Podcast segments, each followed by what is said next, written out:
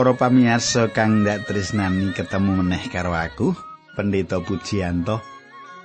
Kepiye kabare panjenengan apa panjenengan tansah apik-apik wae mengkono? Panjenengan tak jaluk saka Gusti Allah tak dongake supaya panjenengan sing seto mirengake adicara iki tansah diberkahi dening Gusti Allah. Nek ana coban sawetara kuwi wis lumrah lan panjenengan iso merantasi kanthi percaya. Kumandel suminde karo Gusti Yesus. Katanggu.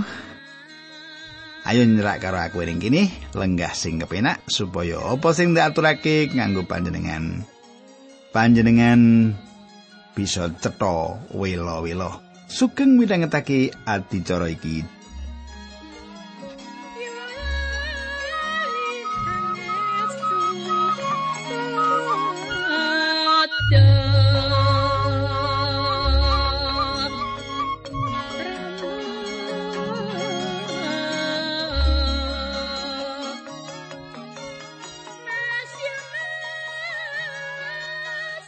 Para pamirsa apa panjenengan isi kelingan apa sing diaturake marang panjenengan ana ing patemon kita kepungkur?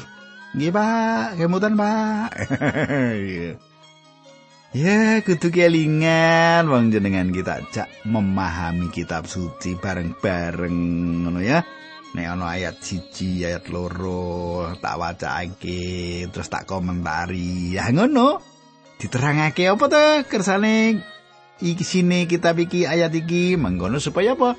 Supaya panjenengan duwe kawruh kasukman sing jangkep. Nah, tak beleni apa sing ndaturake kepungkur ya ing patemon kita kepungkur kita wis rampung nyemak kekayutan karo patine Simpson Sebanjure perkara apa maneh kang dipratekake saka kitab Para Hakim iki kita bakal nyemak ing dina iki nanging aku arep ndedonga Sak durunge ndedonga aku ngaturake salam dhisik ya. Marang Ibu Suyati. Lah, Ibu Suyati iki nglayani ngene. Nalika kula mirengaken adicara ingkang dipun siaraken ing radio kelangenan kula menika Pak Puji. Kula getun lho, Pak. Lha napa ta Bu, nek getun? Nggih.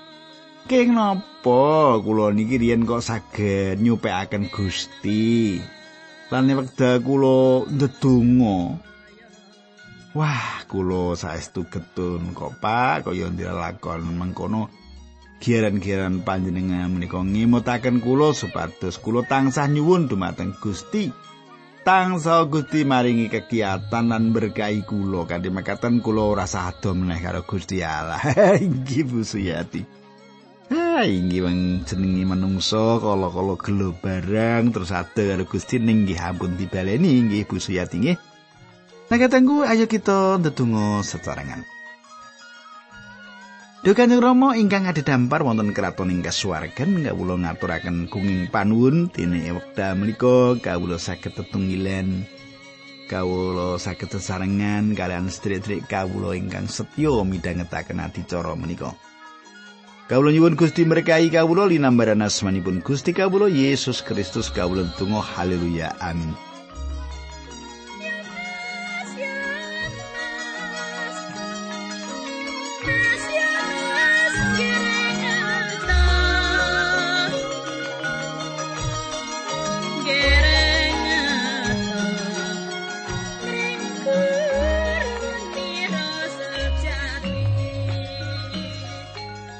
Katengku kang dak tresnani telung ayat kang banget mawa teges kang nyritakake lakone Simpson.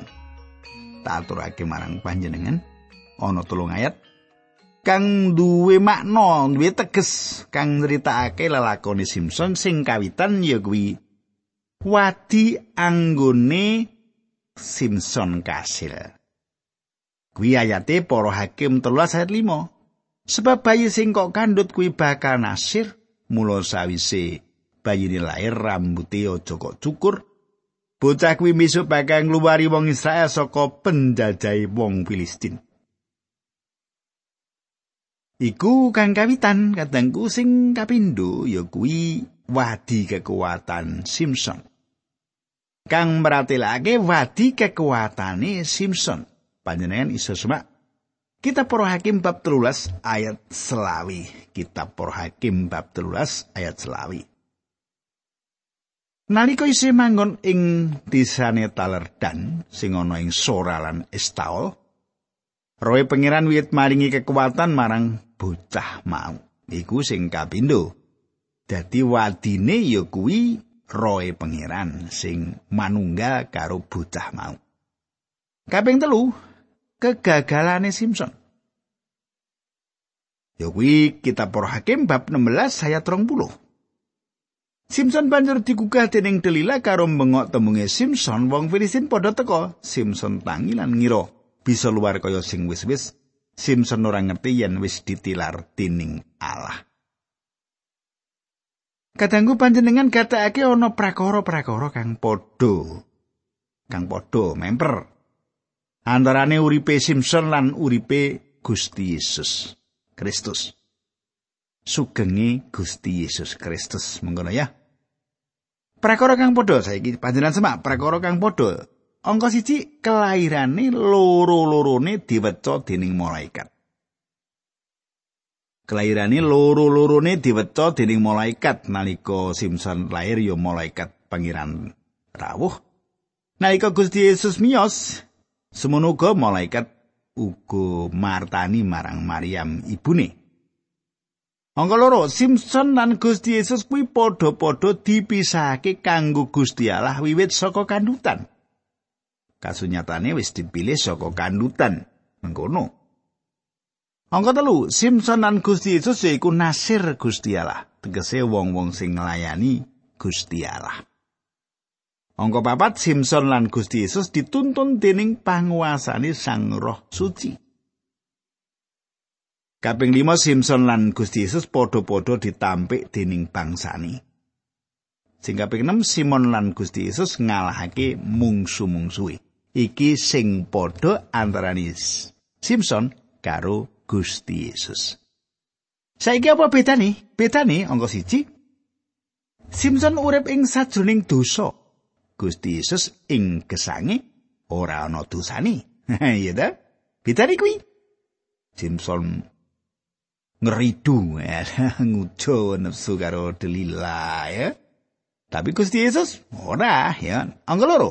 Simpson nalika arep mati ndedonga, "Duh Gusti Allah, supados kula saged mbales kalian mripat pulau menika dumateng tiang Filistin."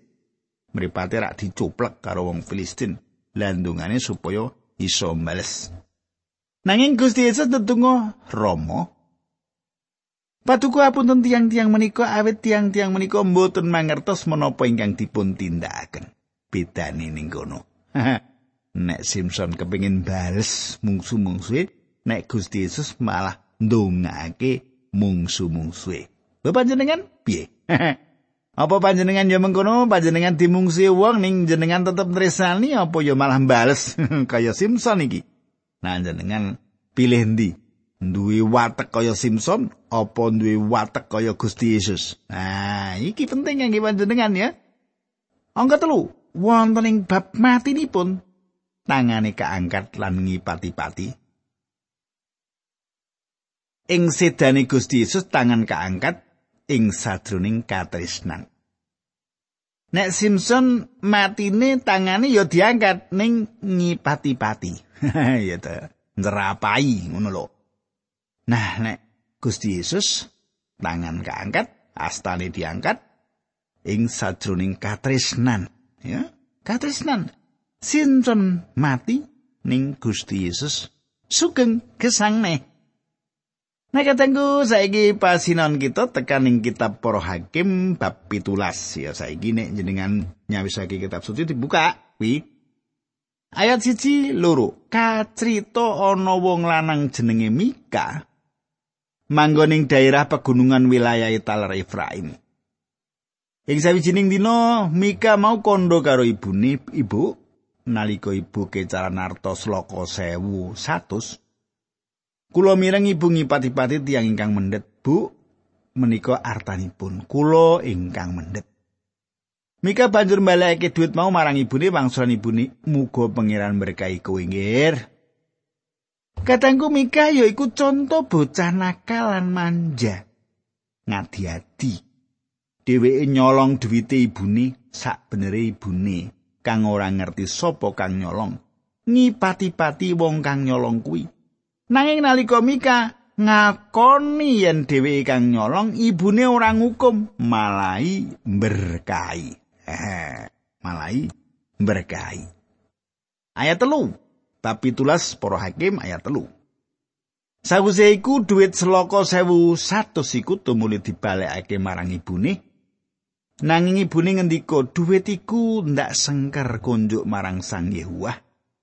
Ndak pasrahake marang anakku supaya ditanjakno kanggo gawe reca kirugilan lan reca cor-coran. Mulane saiki dhuwit iku ndak balekke marang kowe. Kadangku kang ndak tresnani panjenengan semak. Wong loro iku wis mlebu ing sajroning pangibadah marang Brahala. Akeh wong Kristen. Jaman saiki kang padha anggone ora selaras kang misungsungake dhuwite marang Gusti kanthi ndadekke dhuwit mau dadi brahala. bisa mengkono katangku ya, bisa ngono. Bisa kenyang gereja ning dhuwit ibu malah dadi brahala ya lho. Nggo padu rebutan ya Nah saiki ayat 5 lan 6 bab 17 para hakim. Mika dhewe wis duwe bangunan kanggo nyembah brahala. Lan Mika yo gawe reca-reca ning brahala sarta duwe efod. Mika wis ngangkat salah sijine anak lanang dadi imam. Nalika semono bangsa Israel ora direh dening raja angger wong padha urip manut karepe dhewe. Kadangku Mika uga gawe sandangan efot lan terapim kanggo cangkepi papan manembah brahala kuwi. Sebanjuri atas kabeh kuwi dheweke nabisake salah siji anak-anake dadi imami. Wong-wong mau wis tekaning sawijining jaman ing endi saben wong agawe apa kang bener manut pikirane dhewe.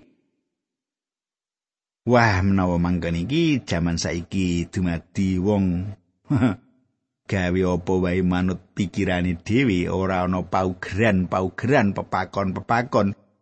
Wah, bisa uga jaman saiki rusak-rusakan. Hal saiki mengkono ta ana aturan-aturane wae rusake wis ora karuan. Dek wingi ndelok TV to ana wong Makassar kono adoh. Dilalah yo mati ndang dipriksa karo sing berwajib lah kok ngombe ngantek lewat taker. Jantunge ra kuat mati. Rumangsane ya bener tumindak ngono kuwi. ya ta wong nek adoh karo Gusti Allah ora ngerti barang bener, ora ngerti barang becik ya. Saiki bab itulah ayat pitu wolu songo sepuluh. Ing wektu semono ana nom-noman saka talar Lewi asale saka desa Bethlehem wilayah Yehuda. Nonoman mau ninggal Bethlehem desane arep golek panggonan liya lakune tekan omahe Mika ing daerah pegunungan wilayah Efraim.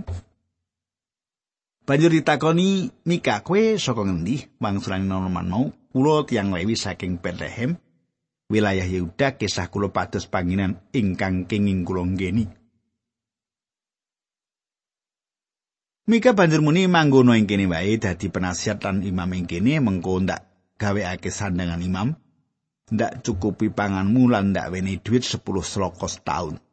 Katanggu mesti ana rasa kang ora enak kanggo Mika kanthi ngangkat anak lanange dadi imam. Dadi Nalika wong Lewi iki teka, Mika ngakon nyambut gawe. Wong Lewi iki dadi imam keluargane Mika secara pribadi. Imam iki duwe tugas kaya wong kang khotbah disewa. Saiki bab 17 ayat 11 teko 13. Nom-noman Lewi mau saguh, mulane banjur diangkat dadi imam Mika lan manggon ing omahe Mika sarta direngkuh kaya anake dhewe. Mika nuli kondo mengkene wis Saiki aku yakin temenan yen pangeran bakal gawe becik marang aku mergo aku wis duwe imam wong Lewi. Kadangku. Pasal iki cetha sawijining pratela saka kang tingkat kasukmane cetek kang dilakoni bangsa Israel. Kasukmane cetek. Mika mikir yen kanthi dhewe anduweni wong Lewi minangka imami. Pancen iku kabeh kang diperlokake nanging Mika duwe pengarep-arep berkah Gusti Allah tumurun marang dheweke. Lan akeh wong kang duwe patrap kaya mengkono kuwi ing jaman saiki. Yo, jaman saiki. Ana wong kang duwe patrap kaya Mika kuwi. Sebanjure saiki kita terusake kita para hakim bab 18 ayat 1. Nalika semono ing Israel ora ana raja mongko ing antarane taler-taler Israel taler dan kuwi durung kebagian tanah. Mulane taler dan mau milang miling golek tanah. Panjenengan katakake bangsa dan ngadepi masalah gede. Ayat loro, saka ing turun-turune taler dan dipilih wong limo sing kendelan gagah prakoso. Wong limo mau dikonriti negara kono lan nggatekake penduduke banjur padha budal lakune tekaning daerah pegunungan ing wilayah Efraim. Ana ing kono padha nginep ing omahe Mika. Kadangku wong-wong saka talerdan iki lunga nelik sandi kanggo ndeleng daerah endi kang bisa direbut kanggo njembarake taleri. Ing tengah-tengah nindakake perkara kuwi tekan ing omahe Mika. Ayat teluran papat bareng weruh nom-noman lewilan ora pangling karo pocapane banjur nakoni nom-noman mau. Yo gene kowe ana ing kene, gaweanmu apa? Sapa sing nuduhake kowe dikon mrene? Wang sulain nom-noman mau. Menika saking pikajengipun Mika kula wonten ngriki dipun bayar kapurih dados imam. Kadangku wong Lewi iki wis nindakake kompromi patrap mengkono kuwi dadi tondo wong kang murtad. Kita saiki lagi urip ing jaman kemurtatan iki. Gereja wis nindakake kompromi. Perkara kita yaiku kita ora bali marang panguasane pangandikane Allah lan Gusti Yesus Kristus kang dipratelake ing sadurunge pangandikane Allah. Ayat 5 lan 6. Kandhane wong limo mau yen mengkono mbok jajal nyuwun pirsa marang pangeran apa lakuku iki bakal leh gawe apa ora. Wangsulane imam mau. Sampun kuwatos Gusti Allah badhe berkahi panjenengan. Yaiku tembung manis saka wong kang dadi juru khotbah kang disewa kang kondo apa kang kepingin dirungokake wong akeh. Wong limo kang ninggalake papan kuwi lan duwe pikiran yen apa kang dikandhake wong luwih kuwi sawijining perkara kang apik. Saiki bab 12 ayat 9 nganti 11. Mengkini surasane enggone lapor mengkini tanah sing ndak deleng kuwi becik amba lan subur pepak apa-apana. Mulane ayo kita padha ngalih mrono aja mung meneng wae. Enggal ayo padha kita rebut lan kita nggoni mergo Allah wis maringake tanah mau marang kita. Yen kita tekan kono penduduke ora bakal nglegewa yen arep kita serang. Mulane wong talerdan banjur ngangkatake wong 600 saka Sora lan Istaul nggawa gegaman perang. Kadangku sawijining laporan kang apik digawa bali dening para telik sandiku kang mrayogake supaya taler dan ngrebut kutha Lais. Dadi sawijining laskar kang gunggunge 600 wong dibangun lan wong-wong mau nggawa bebarengan keluargane lan raja branane ing sajroning lakune tumuju ing ing Lais wong iki mandek ing omahe Mika lan ngerampok berhala-berhalane lan imami. Sebanjure wong dan ngrebut Lais diobong mbangun meneh lan urip ana kuno. Wong-wong dan jenengake kutha iku dan Katanggu kita terusake ayat 9 lan 10 bab 18. Nggone lapor mengkene tanah sing dak deleng becik, ombo tur subur pepak apa-apa. Mulane ayo kita padha ngalih mrono. Aja mung meneng wae enggal ayo padha kita rebut lan kita nggoni mergo Allah wis maringake tanah marang kita. Yen kita tekan kono penduduk ora bakal nglegewa yen arep kita serang. Ayat 11 mulane wong talerdan banjur ngangkatake wong 600 saka sora lan istaul nggawa gegaman perang. Kadangku ya iku sawijining gambaran saka kemurtatan kang sak benere sapa Yonatan. dheweke kebenaran putune Musa wong kang dadi imam kang nyekeli sawijining reca brahala kemurtatan yaiku perkara kang ngegirisi Yo iki kang dumadi ing bangsa Israel kita nyemak putune Musa nglayani minangka imam kanthi reca cor-coran Mika. Saiki pasuran kita wis tekan kitab Para Hakim bab 19 tak wacake ayat 1 lan 2. Sadurunge Israel duwe raja ana wong Lewi manggon ing pegunungane tanah Efraim, Wong mau njupuk selir wong wadon saka Bethlehem daerah Yehuda. Nanging selir mau nuli ora kerasan bali menyang omahe bapakne ing Bethlehem sawise ana ing kono patang sasi. Kadangku ayat loro iki menehi sawijining pangerten marang kita kegayutan uripe wong-wong Israel ing jaman semono. Apa panjenengan bisa mbayangake wong Lewi ngrabeni wong wadon kaya mengkono kuwi?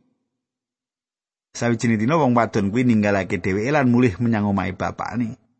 Wong Lewi iki nyusul menyang omahe wong tuane ditampani kanthi sumanak dening mara tuane lan manggon ana ing kono nganti sawetara dina sebanjure wong Lewi lan Slire nerusake lakone ngalor. Wong Lewi lan Slire mau manggon sewengi ana ing Gibea, sawijining kutha ing daerah Taler Benyamin. Wong lanang kang wis tuwa kang uga asale saka pegunungan Efraim lan kang manggon sawetara ing Gibea nawani supaya ngaso ana ing omahe. Bengi kuwi sawetara wong loro mau disuguhi dening kang duwe omah, sawetara wong duraka ing kutha mau nuntut wong Lewi ku ngladeni wong nepsune wong lanang padha wong lanang. Kanthi keyakinan patrap mengono kuwi andadekke patine mula wong Lewi mau masrahke seliri.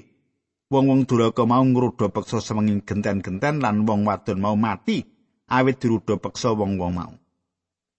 Kadangku wong Lewi iki bener-bener kabuduk dening tindak kriminal iki lan apa kang ditindakake meratelake kaya ngopo asore moral masyarakat ing jaman semono.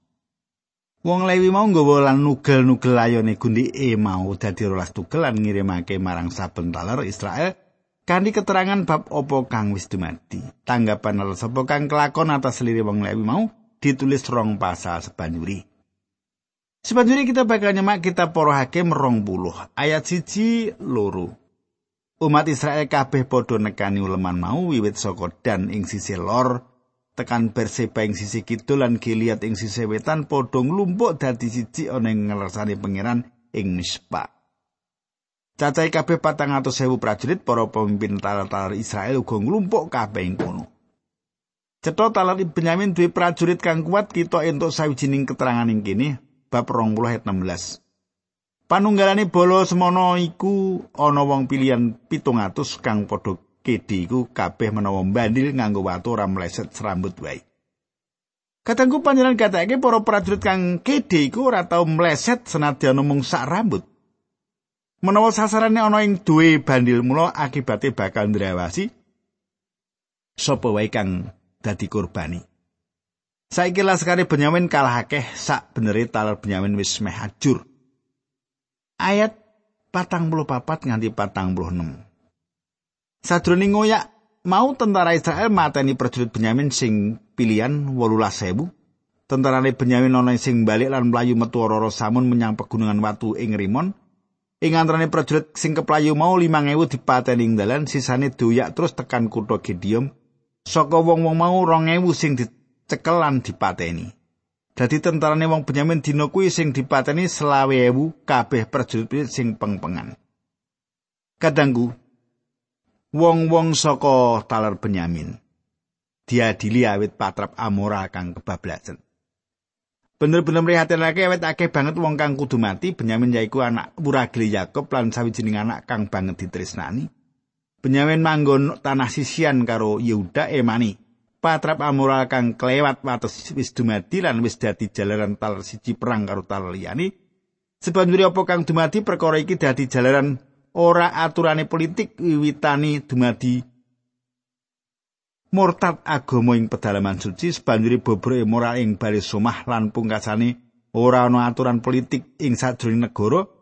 Iki sawijining langkah-langkah kang bakal dilakoni dening bangsa kang tumuju marang karusakan Sebanjuri kita bakal nyemak kitab para hakim selikur ayat kang pungkasan ngeringkes lalakon kegayutan patrapoti wong Israel lan najis. Ayat selawe nalika semono ing Israel ora ana raja angger wong nglakoni apa sing dianggep bener. Ketanggu ing abad selikur iki para pemimpin negara bisa nindakake sawijining perkara kang apik kanthi sinau saka kitab para hakim. Kangilane saiki mlebu ana ing sadurunging utek liwar politik apa kang kita butuhake saiki yaiku bali marang landesan-landesan agama. Ana kono kita wiwit metu saka alur lan saka kono wiwitane kabeh kangilan kita kita wis nyemak ing sajroning kitab Para Hakim falsafah sejarah lan ubengane sejarah terus mupeng. Kadangku tak cukupi semenen dhisik, monggo kita ndedonga. Duh, Gusti Allah. Kawula matur nuwun sanget ing wanci menika saged midhangetaken sabda pangandikan paduka saking kitab Para Hakim. Kawula pasrahaken wonten ing asta paduka supados kawula boten sinau lelampahan-lelampahan ingkang boten ngluhuraken asma paduka. Dinambaran asmanipun Gusti Yesus Kristus kawula tunggu haleluya. Amin.